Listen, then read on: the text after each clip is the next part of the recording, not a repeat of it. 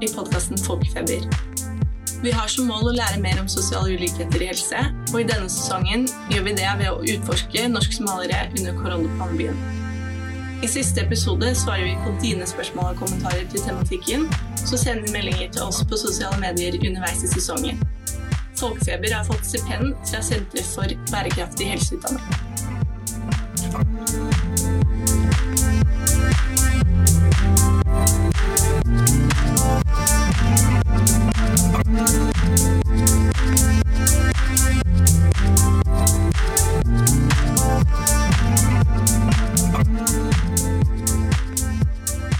Velkommen til ny episode av Folkefeber. Eh, I dag er det meg, Emma og Sine som skal lede dere gjennom episoden. Ja, hei. Og I dag så skal vi snakke om politikkens rolle for eh, norsk-somaliere og korona, og hvordan, hvordan, det har hatt en effekt på, på dette her. Mm. Og I dag er vi så heldige å ha med Marianne Borgen. Velkommen, Marianne. Tusen takk. Du har vært eh, ordfører i Oslo siden 2015 og har lang fartstid som Oslo-politiker.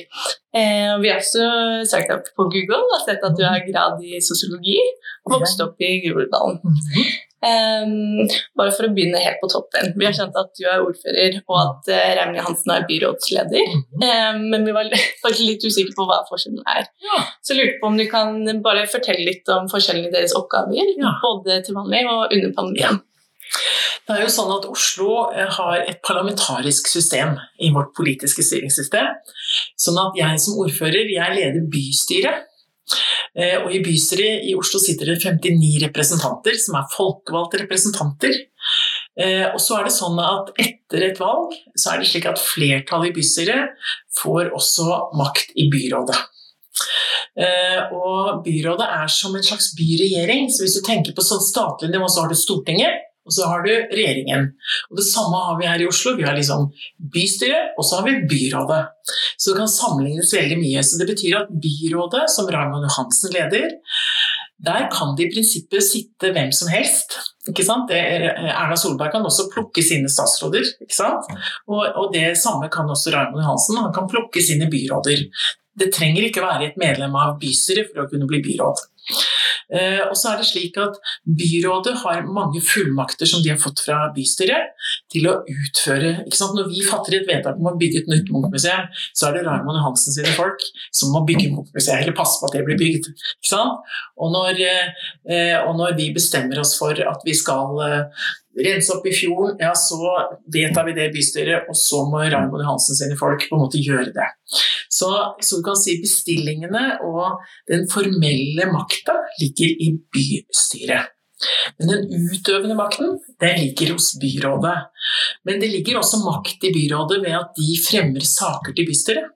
Sånn at uh, Når f.eks. budsjettet, som kanskje er den viktigste politiske saken vi jobber med i løpet av et år, når det skal jobbes med, så er det byrådet som legger fram sitt budsjettforslag. Mm.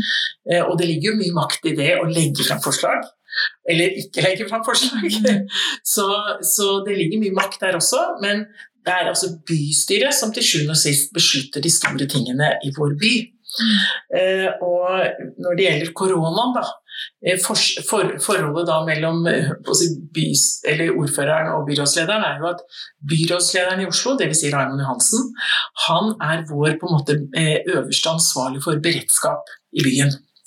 Eh, sånn at eh, han leder jo da eh, hele den beredskapsgjengen som vi har for å passe på at folk får den hjelpa de trenger.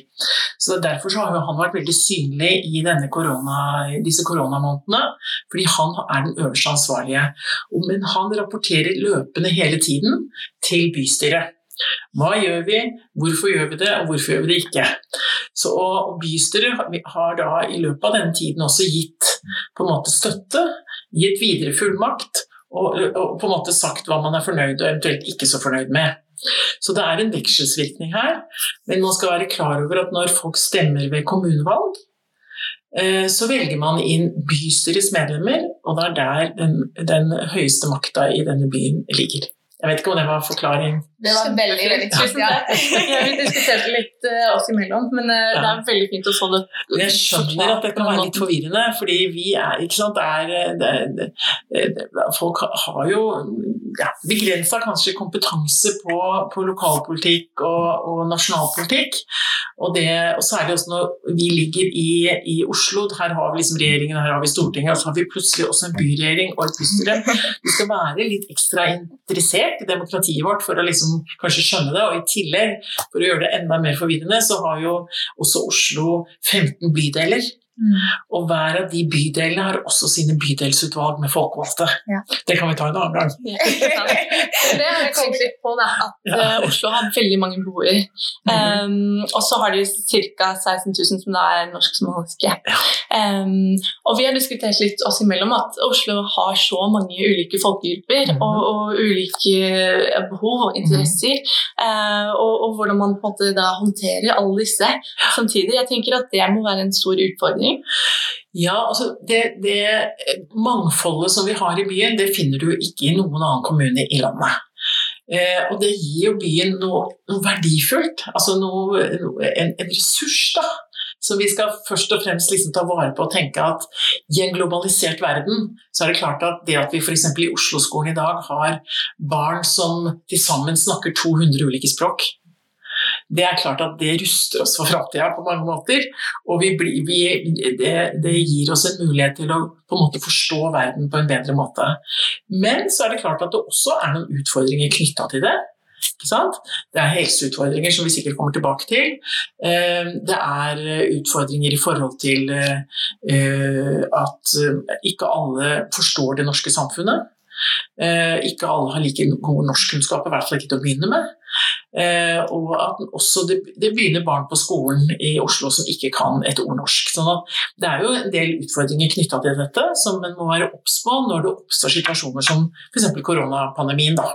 Ikke sant? Fordi da kommer vi veldig sent inn på neste spørsmål. Ja. Som er at FHI publiserte 1. april Mhm. eh, statistikk inndelt etter fødeland.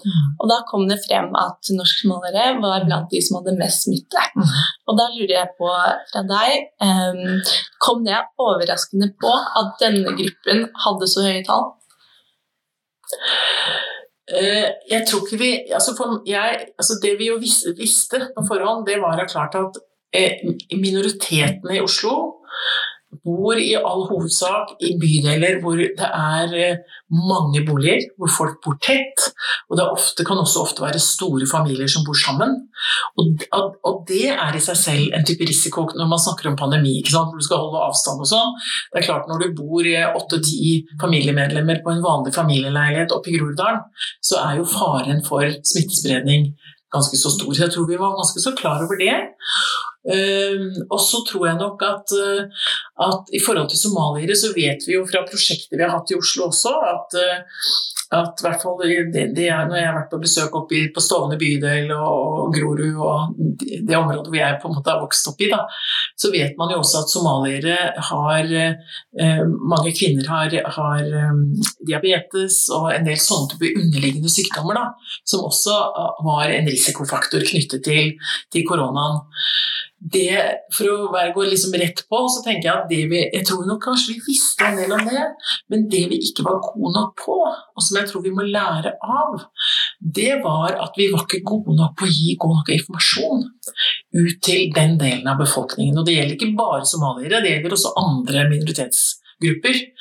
For det er klart at under koronaen for dette, Det kom jo litt brått på oss, selv om vi jo visste fra januar at det var en pandemi på gang. Så tror jeg at hvis noen hadde spurt meg i slutten av februar om jeg trodde at Oslo skulle lokkes ned, så hadde jeg ikke trodd på det. Og jeg tror de fleste av oss tenker sånn Hvis noen hadde spurt oss i januar-februar Vi hadde ikke trodd at vi skulle oppleve dette. Så, så, det, så det, jo, det, det, skjedde jo relativt fort. Um, og, og, det har vi snakket en del om, dette med informasjon uh, ut til minoritetsbefolkningen uh, på ulike språk. Det tok veldig lang tid før vi fikk det på plass, eller altfor lang tid. Og uh, det er ikke alltid nok å legge det ut på nett og, og, og på sånt noe. Det vi jo også gjorde etter hvert, da, det var jo at man samarbeidet med de frivillige organisasjonene, slik at de også banka på dørene til folk ikke sant? og sier nå skal vi snakke litt om, om korona og hva det betyr. Eh, og jeg vet, uh, jeg vet, ikke om dere kjenner til uh, de prosjektene som bl.a. er i deler av Groruddalen og Søndre Nordstrand, disse bydelsmødrene, som også gjorde en kjempejobb. Mm. Som virkelig oppsøkte familier og forklarte litt disse begrepene vi bruker òg. Hva er karantene? Hva, hva, betyr det? Ti dagers karantene, hva betyr det? det er mange sånne ord som plutselig dukker opp. Som det er klart at Hvis du kan litt dårlig norsk i utgangspunktet, og vi vet jo også at noen i vår befolkning er jo også analfabeter, så det er klart at da må du være litt sånn face to face og forklare og sånn. Så, så det tror jeg noe av det vi har lært, er jo at vi er nødt for å kommunisere mer direkte og tydeligere til eh, minoritetsbefolkningen. Eh, og ikke bare tenke at alt, det går greit liksom, med, med, møter på nett og, og, NRK. Og NRK kommer jo også på banen etter hvert. Eh, men jeg tror det, det er en, en, lærdom som jeg tenker at vi kommer til å bli flinkere på neste gang. I likhet med at vi også etter hvert kom på banen i forhold til også å gi barn og unge mer informasjon. Jeg hadde jo også her to sånne nettmøter med barn sammen med noen byråder for å forklare også barn hva dette handlet om. Det er klart at Jo mer informasjon folk får, jo tryggere blir de på den totalsituasjonen, og jo lettere blir det for dem å, å, ja, på en måte gjøre de tingene som, som, som, vi mener er viktige. Dette med hvorfor skal vi vaske hendene, hvorfor skal vi holde avstand. At man skjønner betydningen av det. Så, så informasjon er utrolig viktig. Ja, ikke sant. Og, og... Det var et langt svar, kjente jeg. Men, men, men, eh, men, nå har det vært innom utrolig mye interessant, så jeg ja. tenker at vi tar litt stykkvis. Ja. For jeg vil egentlig grave litt videre i alt. Ja, bare gjør det. Men om vi begynner med dette med Jeg tenkte med... du skulle ta med på at vi ikke har vært gode på informasjon. det kjempefint. For det har jo kommet frem i media, ikke sant? dette med, med når man begynte å oversette, og, og, mm. hvordan det har vært. Mm. Og eh, fra helseperspektiv så er det veldig interessant, fordi mm. man har rett rett til helse. Det er eh, ja. juridisk begrep. Mm. Og innenfor det har man også rett til tilpasset informasjon. Um, så det vil si at om informasjonen du får om, om din helse, ikke er på et språk og på en måte du kan forklare og, og benytte deg av, mm. så, så, har ikke du blitt gitt måte, den retten du har til helse. Um, og da kan jeg også eh, Det var noen jurister som skrev en artikkel hvor de beskrev det også som en type diskriminering. Da, at man um, ikke gir riktig tilpasset informasjon. Mm. Um, og i forhold til det uh, har jeg et par spørsmål. egentlig. Det mm. første er at uh, da vi forberedte oss til dette, så, så slet vi litt med å finne informasjon og statistikk om norsk somaliere. Vi fant mye informasjon om innvandrergrupper bare generelt. Mm. Um, men vi slet med å finne litt konkret informasjon om hvordan denne befolkningsgruppen har det. Mm. Både med tanke på hvor mange snakker norsk hjemme, mm. hvor mange kan lese og skrive, hvor jobber de ulike mm. gruppene. Mm. Og da lurer jeg på fra din side, hva, uh, føler dere at dere har nok kunnskap og informasjon å, å basere eh, råd på? Altså Om dere kjenner til befolkningen godt nok? Det er jo litt sånn at uh, I og med at vi har 15 bydeler i Oslo, så er jo mye av det arbeidet som du nå tenker på, det skal ligge ute i bydelene. Uh, og min erfaring ved å være rundt i bydelene er at bydelene har mye sånn kunnskap på sine beboere. Og det er jo det aller, aller viktigste. Eh, og at de gjennom sine systemer, det være seg gjennom eh, skole, barnehage, gjennom å ha kontakt med folk på, på helsestasjonene, eh, legesentrene, alle de tingene som er ute i bydelene, da, at det er der på en måte informasjonen og kontakten med bydelen, eh, byens innbyggere må, må, foretas. Min erfaring er at det er Man har mye informasjon, men du har helt sikkert rett i at det er sikkert noe man kunne ha eh, gravd enda mer i og få mer oversikt over. Men, og det som kanskje ofte er et problem også i en så stor by, husk på vi er en by på nesten 700 000 innbyggere, det er at, og det jobber vi nå med, å bygge ned disse på en måte siloene, som vi kaller det, da, eller bygge ned disse murene. For det, er det fins mye kunnskap ikke sant? på de forskjellige arenaene, men man er kanskje ikke like flinke til å dele den kunnskapen, og dermed bruke den helhetlig. Tror jeg, der tror jeg vi har en jobb å gjøre. Jeg tror liksom Skolen vet en del, barnehagene vet en del, Nav-kontorene vet noe, helsestasjonene vet noe. Og, og, men det, det, å på en måte dele den kunnskapen for å få et helhetsbilde, det tror jeg nok at vi med, det, Der skorter det også oss. Og det jobber vi en del med nå, nettopp for å få folk til å samarbeide bedre og til å snakke sammen bedre, slik at folk skal kunne få uh, mer helhetlig på en måte hjelp. da. Ja. Er det noe som har blitt enda tydeligere nå, syns du, under pandemien? At en har behov for å samarbeide mer? Ja, det syns jeg. Jeg tror vel generelt ja, kanskje at eh, Eller det håper jeg kanskje, at uh, også befolkningen og vi alle uh, nå forstår betydningen av fellesskapet mer enn før. Vi har jo, altså Vårt samfunn er jo på mange områder veldig individualisert. ikke sant? Du er din lykkes egen smed, og du, folk, noen har kanskje tenkt at ja, men jeg skal klare meg fint. ikke sant? Bare jeg ordner slik og sånn, så skal det gå bra. Men jeg tror jo at det vi har kanskje lært under pandemien, det er eh, at ingen kan klare seg helt alene. Vi er avhengig av fellesskapet.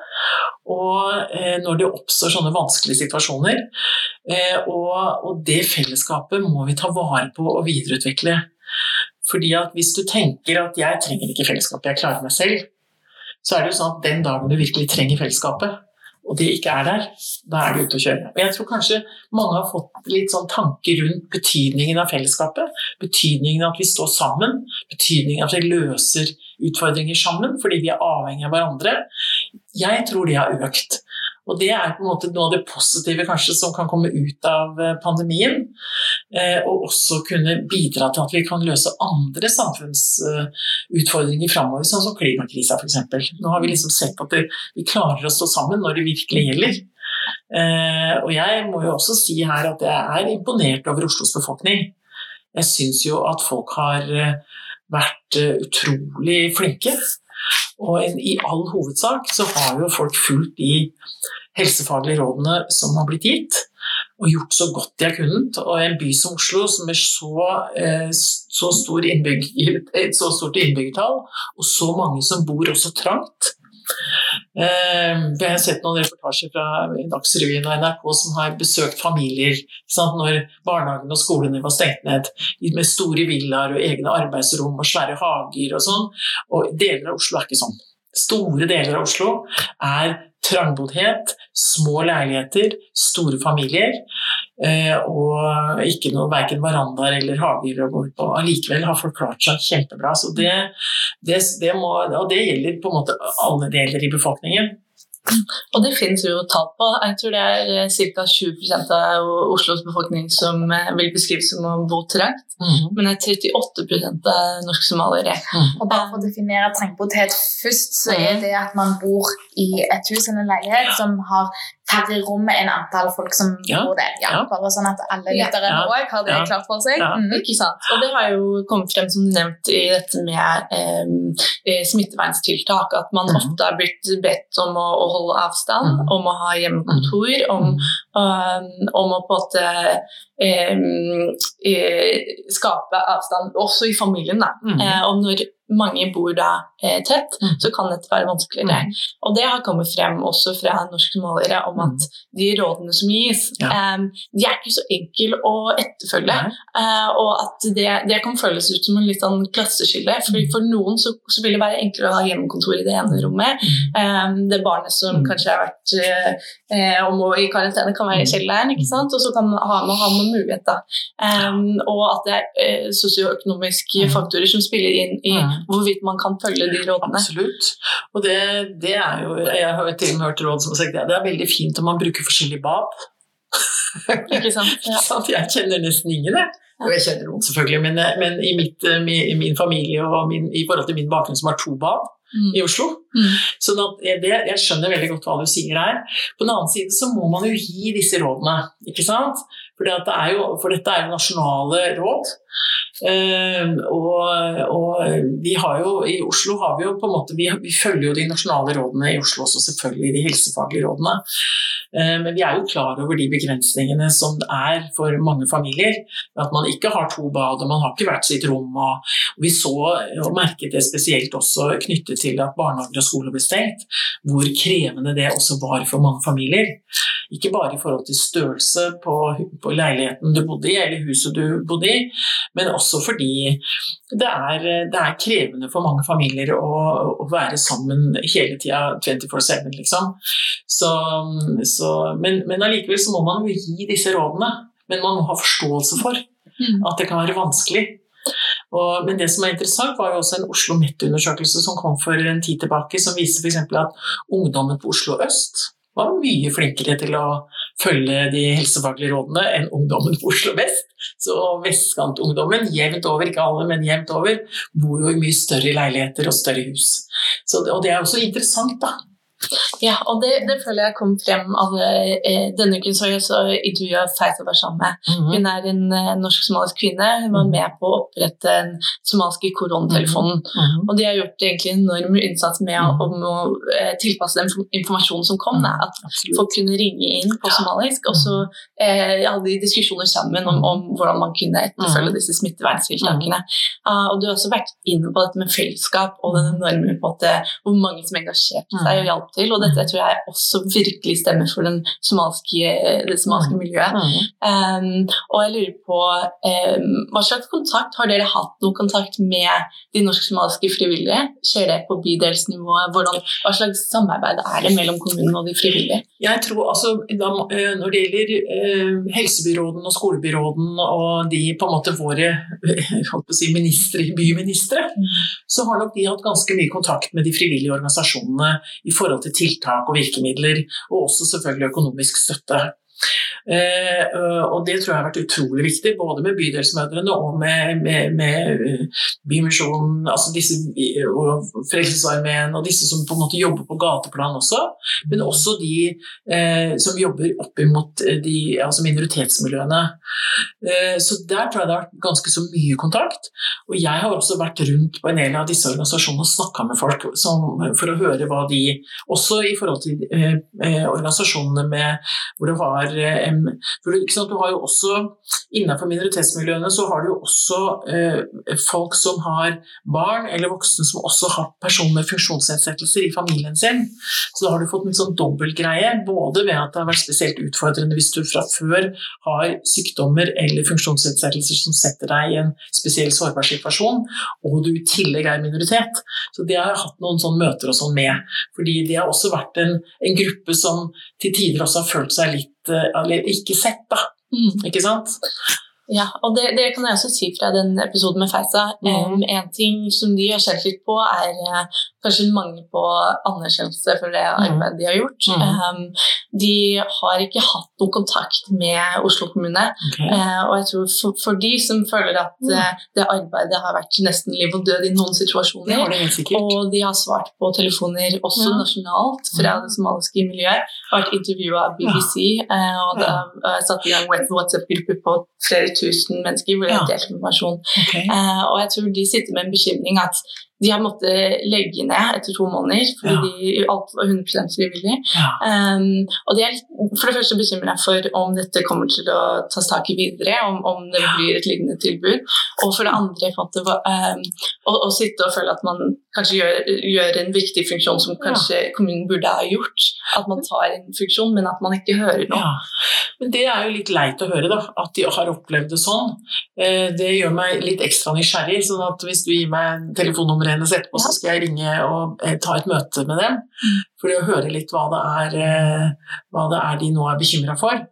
Eh, jeg vet ikke hva som er grunnen til, for jeg, er grunnen til at det etter to måneder måtte legges ned sånn, det kjenner jeg ikke til. Men det vil jeg gjerne grave litt i.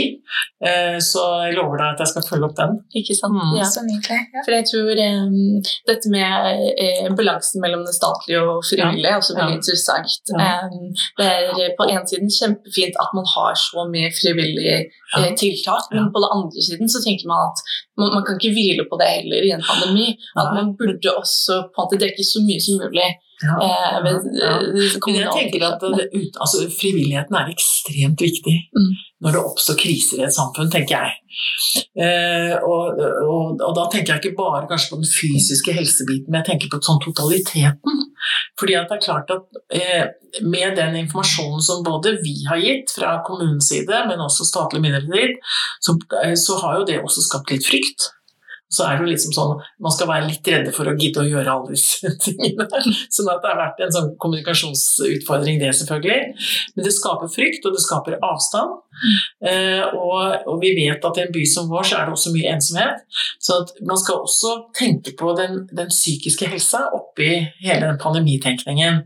Og da tenker jeg at de frivillige organisasjonene og kulturlivet har spilt en utrolig viktig rolle med å på en måte Både informasjon, men også altså, gjøre ting for hverandre. Jeg var jo i borettslag hvor du hadde oppslag ikke sant? sånn for, Kan du ikke gå ut og handle selv? Si fra til meg, jeg kan handle for deg. ikke sant? Eh, og hvor det, hvor det, plutselig poppet opp mange sånne Facebook-grupper hvor folk hjalp hverandre. Eh, hjalp hverandre med innkjøp.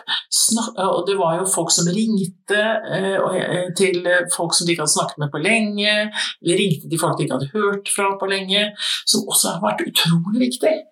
Så, så jeg tenker at, at det at vi har en sterk frivillig sektor i et samfunn som vårt, det er også viktig for den tilliten som vi skal ha mellom oss mennesker. Da, det livet som vi snakker om, som er i et samfunn. Så, men, men, jeg er enig, man skal være forsiktig med å på en måte overlate ansvaret til de frivillige organisasjonene, men, men man må gi de frivillige organisasjonene mulighet til å gjøre den jobben de på en måte har gjort. og Derfor så bruker vi f.eks. i Oslo vi bruker ganske mye penger på å støtte frivillige organisasjoner. Men det er kjempeviktig. Fordi det er jo ikke alltid sånn at, at folk har mest tillit til uh, offentlige myndigheter. Altså De kan ha vel så mye tillit til naboen eller vel så mye tillit til bydelsmødrene eller hvem som på en måte går rundt. Så den der vekselsvirkningen mellom, mellom fagmiljøene, altså helsemyndighetene, og politikerne og de frivillige organisasjonene er utrolig viktig. De frivillige organisasjonene er superviktige, men det er kanskje litt forskjell på, på måte, å hjelpe en nabo enn å jobbe liksom 100 i en frivillig organisasjon over måned. Og så tror jeg litt at det um, som òg var med koronatelefonen, var at de fikk ikke noe offentlig støtte. De søkte. Ja. Det, var, det, var, ikke fra Oslo, det var fra nasjonalt. Ja. Um, det ble delt ut midler, men de, men de sto egentlig litt alene. Ja, det, jeg kjenner ikke til den, jeg kan ikke kommentere nesten Nei. på det, fordi jeg vet ikke hva som var grunnen til at de ikke fikk. Eh, og om man der tenkte at eh, liksom, vi har en offentlig koronatelefon, og trenger vi noe mer enn det, om det var det som var grunnen. Men jeg vil jo høre det når jeg snakker med dem, da. Ja, og jeg tenker det viktigste er jo også... Det er jo, det er jo altså, Jeg skjønner jo at man trenger på, på ulike språk og, og, sånn, samtidig som man ønsker jo også at det skal være en, en offentlig instans du kan, mm. eh, som egentlig alle skal kunne ringe til òg. Som man, som, man, har tillit til, så ikke det blir liksom 50 forskjellige eh, informasjonsinstanser, så vet du søren ikke hvem du skal ringe til til slutt. Men, eh, men, jeg får høre litt av hva det er som er grunnen til at de hadde det spesielt vanskelig. Og det hadde vært kjempeflott om man kunne f.eks. hatt mer bruk av tolk da, i den koronatelefonen. Nå har jeg veldig mange venner som har jobbet i telefonen, og jeg tror eh, bare å få den eh, i gang har vært eh, enormt arbeid. Så, så, det er ikke for å si at alt skal være på plass med en gang, men, men, at eh, bare for å tenke litt videre, så det hadde mm. vært veldig interessant å ha, alltid ha en eh, eller to mennesker på telefonen som er er fra disse eh, mm. miljøene, eller kan de språkene mm. og kan være tilgjengelige. Sånn at eh, de telefonene er eh, både for hele befolkningen. Mm. Absolutt, og det er jeg helt enig i. Og det ble jo i tillegg til at dessverre i perioder var lang ventetid for å komme seg gjennom den koronatelefonen, Eh, så, så, ble det i hvert fall lagt ut en del sånn informasjon på mange forskjellige språk. Men igjen, selv om folk kan lese og selv om folk kan forstå kanskje det som står der, så kan man allikevel ha behov for å stille noen ekstra spørsmål. Ja. Så, så, jeg er helt enig i det. Og, og nå også etter sommerferien så hadde vi noen utfordringer på koronatelefonen. Folk måtte stå i en time i kø, eller mer enn det, for å komme, komme gjennom. Og det er selvfølgelig ikke en ålreit situasjon. Og, og, og, kombinert da med at vi også rett over sommerferien hadde litt begrensa eh, testkapasitet, så var den kombinasjonen ganske dårlig. Og, men nå har vi heldigvis klart å rydde opp i det. Så nå er det jo sånn at du kommer mye raskere fram på koronatelefonen, og det tar ett maks to døgn før du blir testa. Og da begynner vi å snakke. Da begynner vi, da vi liksom, det er kjempefint. Og det avlaster også Jeg jobber i telefonen på legevakta, ja. Eh, og vi fikk en del av de samtalene som om noen ikke kommer hjem ja. til eh, koronatelefonen, så ringer vi legevakta. Ja. Og, og det, det, skjønner jeg veldig godt. Mm, mm. Det gjør også at folk som har andre sykdommer, kan mm. vente litt lenger i køen. Så det er veldig fint å se når, når, ting begynner å falle litt mer på mm, plass, mm. og så er det ikke skummelt å komme på jobb. Eller man, man kjenner jo på det i hjertet når man sitter og ser at eh, det er noen som har venta i 30 minutter, så er det en annen samtale enn noen som har ventet i to minutter. veldig godt. Og Da er du for så vidt inne på et annet eh, sånn, som kanskje er lært litt av i forhold til kommunikasjon rundt en pandemi. Det var jo at veldig mange av de som hadde andre sykdommer eller akutte eh, helseproblemer eller trengte å få helsebehandling, de turte til slutt ikke å ta kontakt med helsevesenet, for man fikk en følelse av ut fra den massive informasjonen som var rundt pandemien og koronaen, at uh, nå er det ikke plass til noen andre på sykehusene, det er ikke plass til noen andre helse, innenfor helsevesenet, så nå må vi bare vente. Og det, og det, er jo det er noe vi har lært, tenker jeg, at man må bli tydeligere i kommunikasjonen på det. Um, jeg var jo for ikke så lenge siden på legevakta på det eh, volds, eh, de som tar imot eh, voldsutsatte, og de som har opplevd seksuelle overgrep.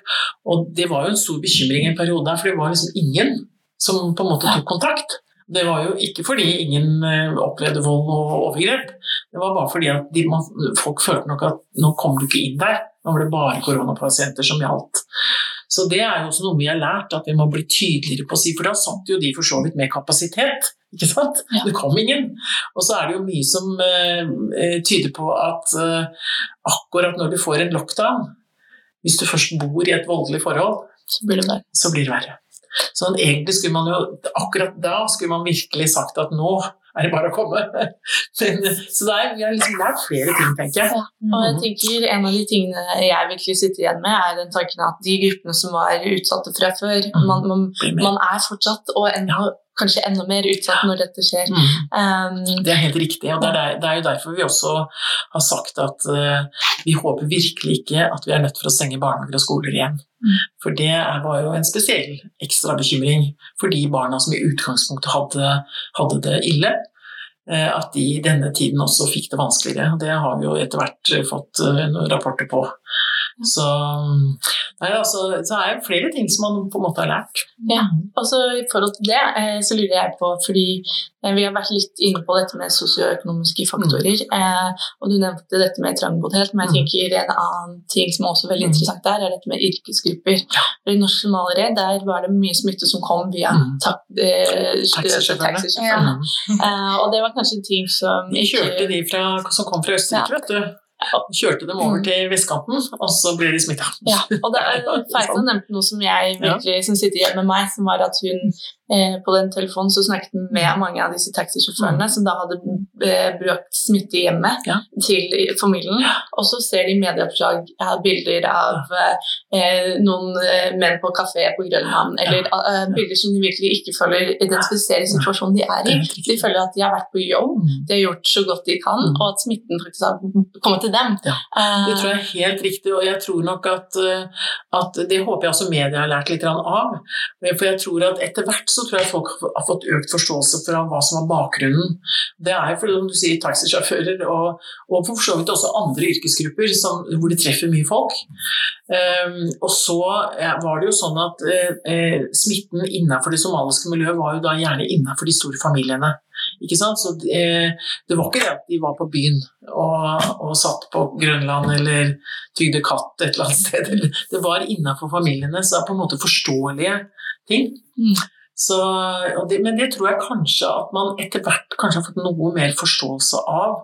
Det var nok kanskje til å begynne med litt mer fordømmende, i hvert fall ut fra medieoppslagene og sånn, enn det kanskje har blitt etter hvert. Okay? Jeg syns det har blitt bedre. Ja. Det, det, virkelig føler jeg. Ja, og vi har hatt en episode der vi har diskutert litt medias rolle, så det er spennende det du, det du mm. tar opp der, men det vi snakket om en del, mm. en del av de tingene der, og det er jo superviktig. Mm. Men at det har blitt en en bedre forståelse av det. Og jeg, vi håper jo at det, kanskje den norske befolkningen òg føler at de har fått en litt mer sånn nyansert bilde av hva, hva som gjør at en har sittet og vært mer, Jeg smittet. Mm. Mm. Så lurer jeg på dette i forhold til eh, taxisjåfører og utsatte yrkesgrupper. Da. Ja. Eh, var det noen spesielle tiltak for å, for å beskytte seg, eller for å eh, ha samtaler med dem om utfordringene som kom opp under pandemien? Det vet jeg ikke. Det må du nesten spørre helsebyråden om, for det, har jeg ikke hørt om iallfall at det har vært. Men når, når du stiller spørsmål på den måten, så høres det ut som det burde det vært. Jeg, Men jeg vet ikke om det har vært det, faktisk. For jeg tenkte, jeg satt på, på bussen en dag, Mm. eh, og så, så tenkte jeg det, det har vært mange flere oppgaver. Eksempel for en bussjåfør da, så, så Mm. skal de ta ansvar for eh, dette med at det var visse seter man ikke skulle bruke, og så Mm. var det en periode hvor de skulle kjøre forbi når de ikke skulle stoppe. Men det har det vært en del eh, kommunikasjon på når det gjelder eh, Jeg trodde du spurte spesielt på taxisjåfører, men når det gjelder de som kjører kollektivtrafikken altså Nå er for så vidt taxien også en del av kollektivtrafikken, men, men buss og, og trikk og T-bane eh, så er det klart at, eh, at det, det er jo altså Oslo kommune eh, sammen med Viken eier jo Ruter og all denne kollektivtransporten. Så der har det jo vært ganske mye dialog på hvordan er håndterer dette. Og både før sommeren, men også selvfølgelig etter sommeren i forhold til diskusjoner rundt dette med bruk av munnbind.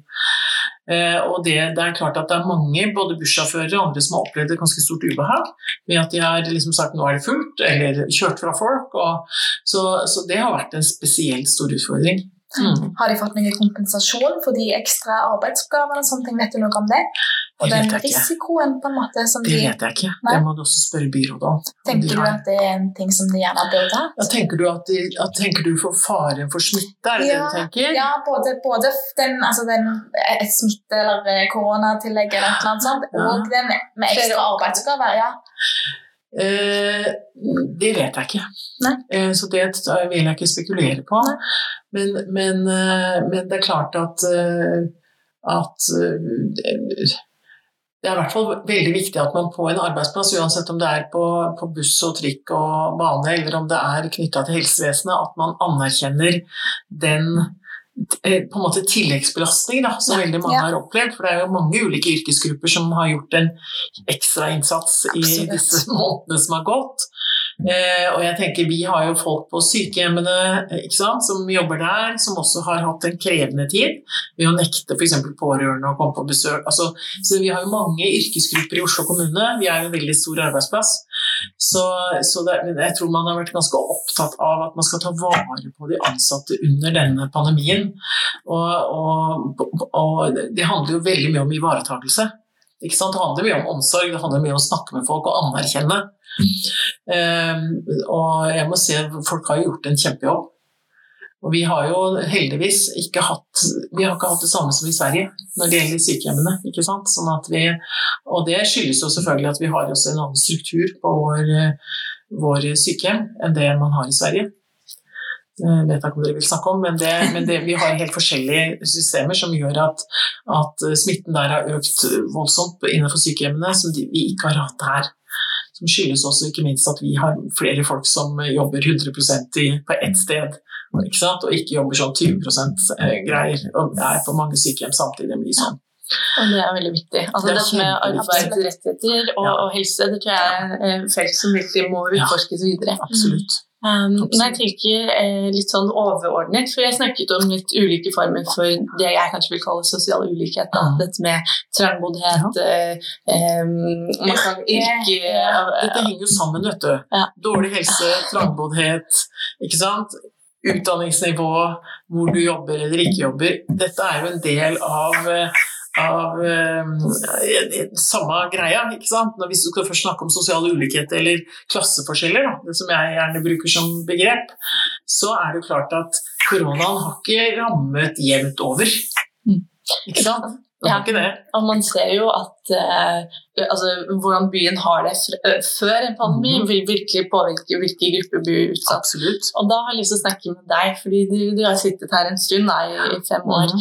Uh, hvilke ting uh, har vært på en måte, de største kampene du tenker som hadde påvirket denne sosiale ulikheten før korona? Hva, hva, føler du at du har fått igjennom, og hva føler du måtte ha vært barrierene for å gjøre situasjonen for minoritetsbefolkningen bedre? Det er et veldig stort spørsmål, mm. men uh... Jeg tenker at uh, klasseforskjeller er, et, er, kanskje viktig å bruke som begrep, fordi at uh, du har uh, Altså fattigdom er på en måte også en sånn fellesbetegnelse på noe av det vi nå snakker om. og det gjelder selvfølgelig mange minoritetsfamilier, men ikke bare. Det er også etnisk norske familier som er i denne gruppa. Og så har du minoritetsfamilier som har greid seg veldig bra. ikke sant? Sånn at uh, Måten du også håndterer denne type informasjon på, har noe med også utdanningsnivå å gjøre. Uh, økonomisk situasjon, uh, bolig.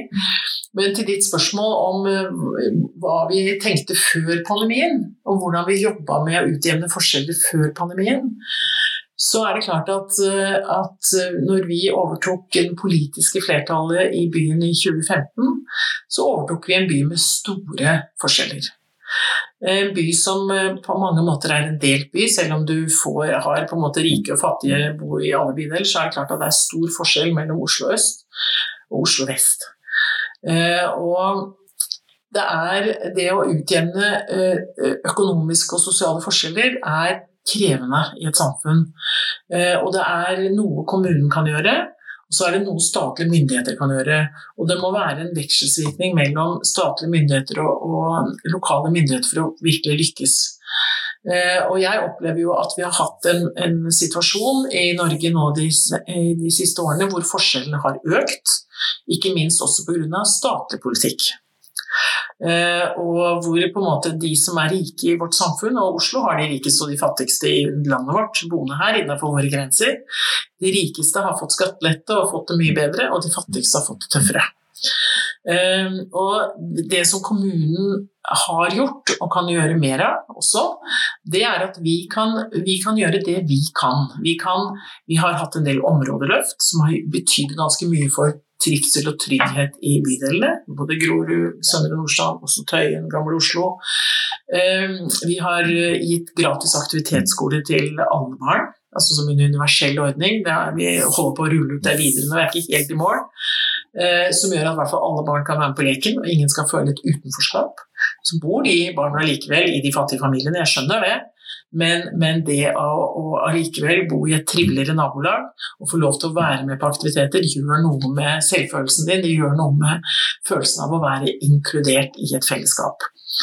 Eh, og så kan du si at det viktigste viktigste eh, måte, tiltaket for å få folk ut av fattigdom, er jo å få folk i arbeid.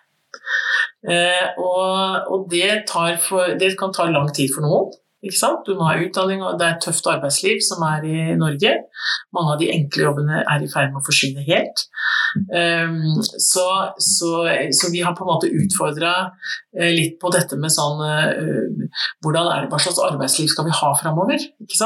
Kan vi begynne å tenke annerledes i forhold til uh, arbeidslivet? og så for å også utjevne fattigdom, så må vi også se på alle de sosiale virkemidlene vi har. Ikke sant? Med alt fra eh, størrelsen på sosialhjelpa eh, Fordi at jeg tror at Min erfaring fra å ha vokst opp på Veitvet er jo at alle ønsker seg egentlig nesten et slags A4-liv. alle vil delta i samfunnet. Så er det ikke alle som kan det, og det skal vi også anerkjenne. Det er ikke alle som kan jobbe 100% men de aller, aller fleste kan bidra litt. Og jeg møter jo masse folk i frivillig sektor som gjør en kjempejobb frivillig hver eneste dag. Mange dager i uka. De, mange av de jobbene kunne kanskje vært definert som jobber. Ikke sant? Fordi at det å være i jobb gjør noe med sjøltilliten din. Og, og, selv om vi nå sitter på hjemmekontor, og sånn, så er jo det å være i jobb til vanlig Det handler om å være sammen med folk, det handler om å spise lunsj med noen, det handler om å på en måte føle seg som en ja, nyttig samfunnsborger. da. Tror, men det er begrensa hva kommunen alene kan gjøre med det. Derfor så blir også stortingsvalg som vi skal ha neste år, også utrolig viktig. Selv om du bor i en by som vår, så hvis, vi, vi, må, vi, må, på en måte spille lag med, med politikere som, som, på en måte vil komme mer i forhold til å utjevne forskjeller. Fordi å utjevne forskjeller, det nytter ikke bare å si at du må stå opp om morgenen og komme deg på jobb. For det er ikke så enkelt er det ikke. Så, så, det, så, vi har jo sett i disse områdeløftene våre at, at eh, det blir triveligere og tryggere og bedre for folk å bo der. Men inntekten deres er ikke nødvendigvis noe bedre. sånn at I SSB sine statistikker, så, sånn som Tøyen f.eks., som jeg jobba mye opp, imot altså det, er, det er stor fattigdom fortsatt på Tøyen. Selv om det er kommet lys og parker og lekeplasser og gratis aks og alle disse tingene. Så det henger sammen. Så det er begrensa hva, hva, vi kan gjøre, men eh, vi, vi, snakker mye om det. Eh, vi er veldig klar over det. Og vi, bruker, vi satser veldig mye på barn og unge, for det å utjevne forskjeller handler også om å sikre barn og unge god utdanning. Mm. Sånn at det å, å ha gode barnehager og skoler som på en måte fanger opp hvert enkelt barn, og gi noe ekstra til de som trenger noe ekstra, det er kanskje den, i hvert fall den viktigste investeringen vi kan gjøre for på sikt å utjevne forskjellene. Sant. Jeg, jeg, var på Tøyen bibliotek for noen uker siden, og så var det en sånn uh, plutselig slam poetry-greie. Og ja. da sa hun noe som jeg føler oppsummerer veldig godt det du sier nå. Ja. Og det, eh, var dikt, og så handlet det om altså Barna har jo skrevet 'alt blir bra' ikke sant, mm. under pandemien, men hun, hun, ønsket å si det er ikke nødvendigvis sånn at alt blir bra av seg selv. Alt kan bli bra. Alt kan bli bra med de riktige tiltakene. Uh, og det tror jeg er noe vi kan tenke fremover. da, At vi lærer av disse forskjellene vi har sett under mm. pandemien, og prøver å integrere det mm. videre i mm. arbeidet. Det er kanskje derfor også at vi eh, Jeg syns det er interessant å, å, sammenligne litt med Sverige innimellom. Jeg er liksom kvart svensk, så jeg har mye kontakt med Sverige. Men eh, det er liksom sånn forholdet mellom det politiske lederne og helsemyndighetenes eh, fagpersoner opp imot det vi nå snakker om. Fordi at jeg tror at nettopp fordi at dette handler om hva slags samfunn vi til sjuende og sist ønsker oss, og hvordan vi skal ivareta folk, men også ivareta folk når det oppstår en pandemi. Og Da tror jeg at det vi har gjort i Norge, nemlig å ha så tett relasjon, både på statlig nivå, men også på lokalt nivå, mellom helsefagarbeiderne og de som er helsefaglig kyndige, og politikerne, tror jeg er utrolig viktig. Mm. Og har du opplevd at det samarbeidet både mellom eh, altså de helsefaglige kyndige og politikere, men også mellom dere som kommune og mm. de statlige organene, føler du at det har, har fungert greit? Ja, altså da, det, er, da, det er igjen byrådet som eh, jo er tettere på på det i det daglige. Men de informasjoner som vi har fått, eh, for vi, eh, I perioder så fikk vi jo flere ganger i uka oppdateringer. Det høres ut som det har vært ganske god kontakt. Men eh, detaljene i det, da må du nesten snakke med helsebyråden eller byrådslederen. For det er jo i og med at det er de som på en måte har det daglige operative ansvaret. Men min erfaring er at, eh, eller min, de informasjonene jeg har, er, tyder på at det har vært ganske bra. Eh, og at man har orientert hverandre på kryss og på tvers, også hvilke utfordringer som, som kommunen har fått med de tiltakene som statlige myndigheter har gjort eller ikke gjort. Ikke sant? Vi har jo nå en krangel i forhold til eh, skjenketider, f.eks.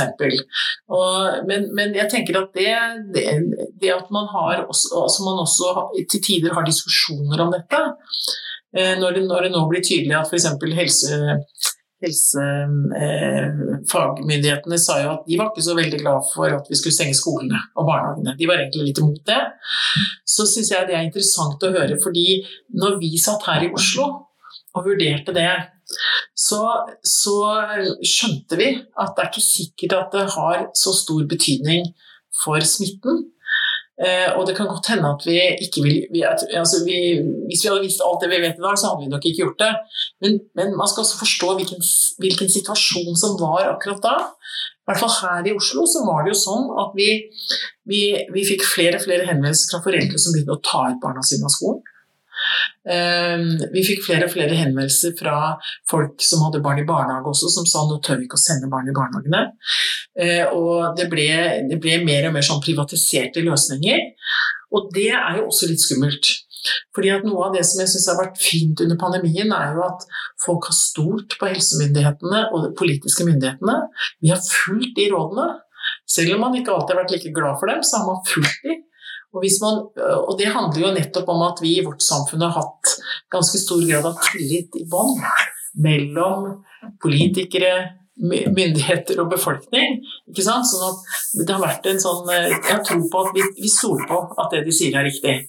Og akkurat da, i den situasjonen som var rundt rett før skolene ble stengt, den ble veldig farlig.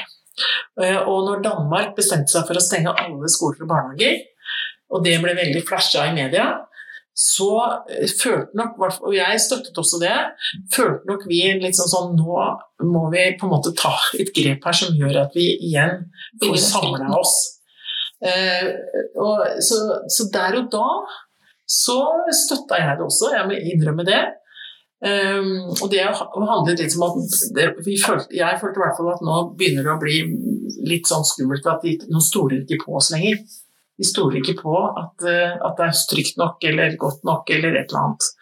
Så kan man jo i etterkant, eh, når vi ser hvilke konsekvenser det hadde, eh, tenke at det tror jeg ikke vi skal gjøre igjen. Da skal det i hvert fall være enda høyere terskel for det. Så det har vi lært litt av. Da. Men, men den situasjonen som oppsto, var også krevende. Da. Folk begynte å for å, det er kanskje feil å si det, ta seg til rette, eller sånn, begynte å finne sine private løsninger. Og hvis vi alle skulle ha våre private løsninger knyttet til håndteringen av en pandemi, så ville det ikke funka.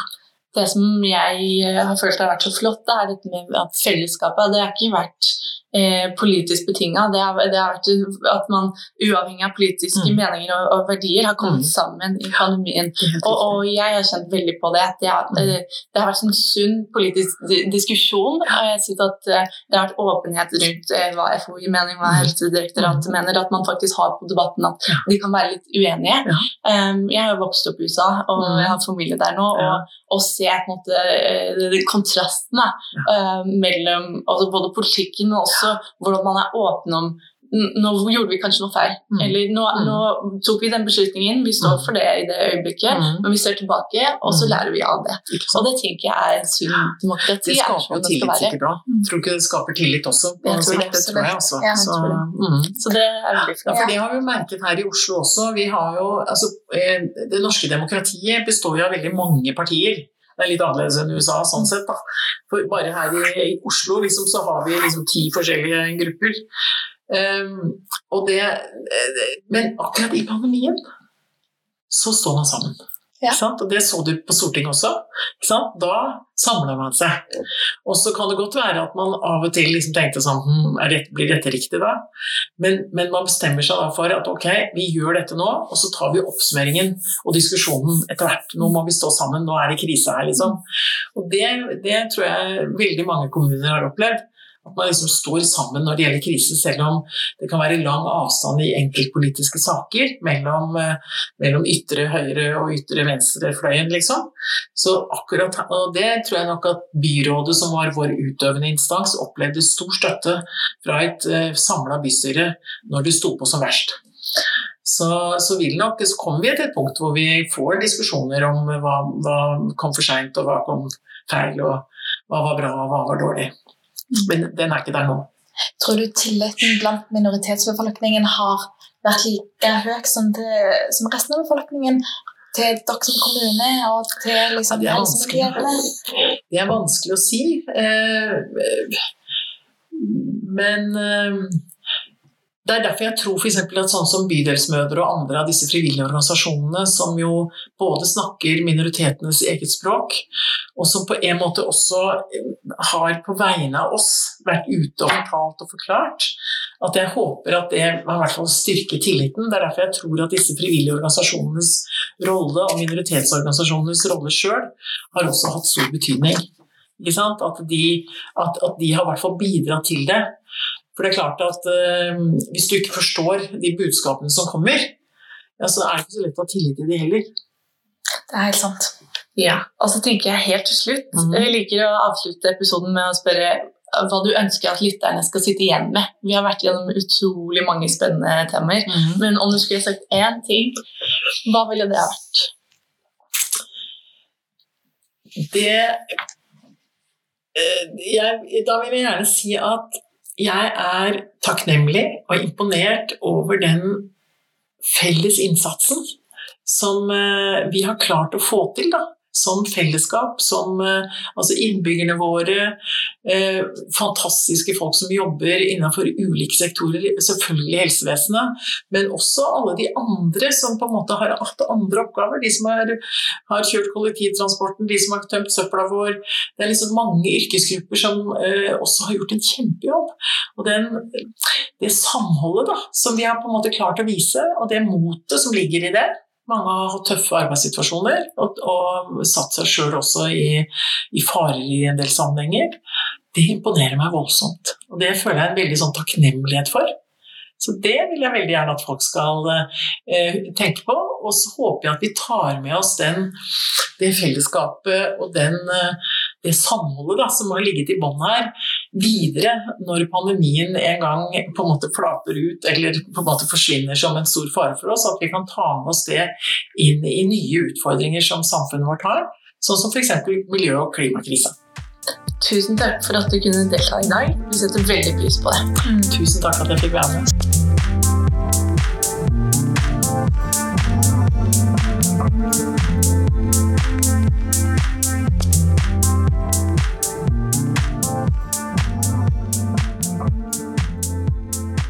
Yes, Da har vi snakket med Marianne Borgen, ordfører i Oslo. Ehm, vi har lært om forskjellen mellom byråd og bystyre. Vi har lært at Raymond Johansen har hatt eh, beredskapsfunksjon, og at det er en del av grunnen til at han har vært eh, mye med det. Ja. Mens uh, bystyret og Marianne Borgen har hatt en uh, dirigerende og, og, og, litt annen rolle da, oppi det hele. Um, og det syns jeg var uh, veldig flott å få forklart. Absolutt. Det er jo annerledes enn de fleste andre kommuner i Norge. Så det er jo en, en modell som i hvert fall jeg ikke har vært så mye borti før, og som er viktig å vite om hvis man skal f.eks. drive påvirkningsarbeid, eller bare vite hva, hva, man stemmer på når man stemmer i kommunevalg og, og den type ting. Mm. Og man hører jo gjennom samtalen at hun har en politikerbakgrunn. Hun er veldig flink til å svare for seg. Hun til og med kom litt på forskudd med eh, noe selvkritikk og kritikk av bystyret. Ja. Eh, det syns jeg viser god refleksjon, men også er en veldig lur taktikk da, for mm. å eh, gjøre at det blir Vi var jo i en situasjon hvor det ble enda mer vanskelig å finne på eh, de eh, riktige spørsmålet ja. og, og, få belyst det fra annen side. Men samtidig har vi jo fått frem en del om hva som kan gjøres bedre, og, ja. og det er jo eh, det viktigste. Mm. Um, det andre jeg sitter litt igjen med fra denne samtalen, er eh, dette om uh, mangfold. Og hvor utrolig mangfoldig Oslo by er, og hvor vanskelig det kan være å sitte med ansvar for hele byen, da, hele populasjonen, og, og, rette tiltak som når alle, og som eh, spesielt eh, passer på de utsatte. Ja, virkelig. En har jo, har jo 700 000 personer som bor i Oslo, og med sykt mange forskjellige bakgrunner, masse forskjellige språk. Vanskelig å tilpasse informasjon, vanskelig å, å vite helt alltid hvordan man skal for, Fordi det er jo en positiv ting med det mangfoldet vi har, men samtidig så, så, er det noen ting som gjerne må gjøres litt annerledes. Og så er det ikke alt vi har informasjon om, og det tar jo Marianne opp, eller vi snakker jo om det, at uh, en har ikke all den informasjonen som en gjerne skulle ønske, og som en skulle trengt om de ulike gruppene i Oslo eh, og i Norge, men, men, gjerne spesielt i Oslo. Eh, og selv om en del av den informasjonen gjerne finnes i de forskjellige institusjonene som, som finnes på, på bydelsnivå og, og ja, innenfor skole og helsetjenester og, og, det som er, så, så mener jeg gjerne litt av det øyeblikket der en på en måte får samla den informasjonen. Um, det finnes bare liksom ute ute der. Og det mm. er jo litt sånt. Så får vi følge med videre da, om, om dette er noe de tar tak i og forbedrer. Mm. Hun nevnte jo selv at det er en prioritet. Og så gjenstår det å se hvorvidt de får til en bedre informasjonsflyt ja. eh, i kommunen. Mm. Jeg syns det var veldig fint. Vi snakket jo litt om, eh, om Pfizer um, og koronatelefonen som de hadde. Um, og så syns jeg det er veldig fint at Marianne så tydelig viser at hun er interessert og ønsker å ta kontakt med, med Feisa og, og, høre om dette her. At hun er interessert i den frivillige innsatsen som har, har blitt gjort. Og det syns jeg er en veldig positiv ting som jeg fikk ut av dette. Ja, kanskje vi har ført til, til noe bra? da? Kanskje ja. det er noe konkret som kommer ut av podkasten? Det har vært eh, kjempegøy. Veldig, veldig gøy. Men vi har kost oss eh, på Rådhusstad. Eh, og håper at dere også har eh, lært noe eh, og syns det var interessant å høre på. Mm. Vi gleder oss til neste episode. Og så snakkes vi. Ha det.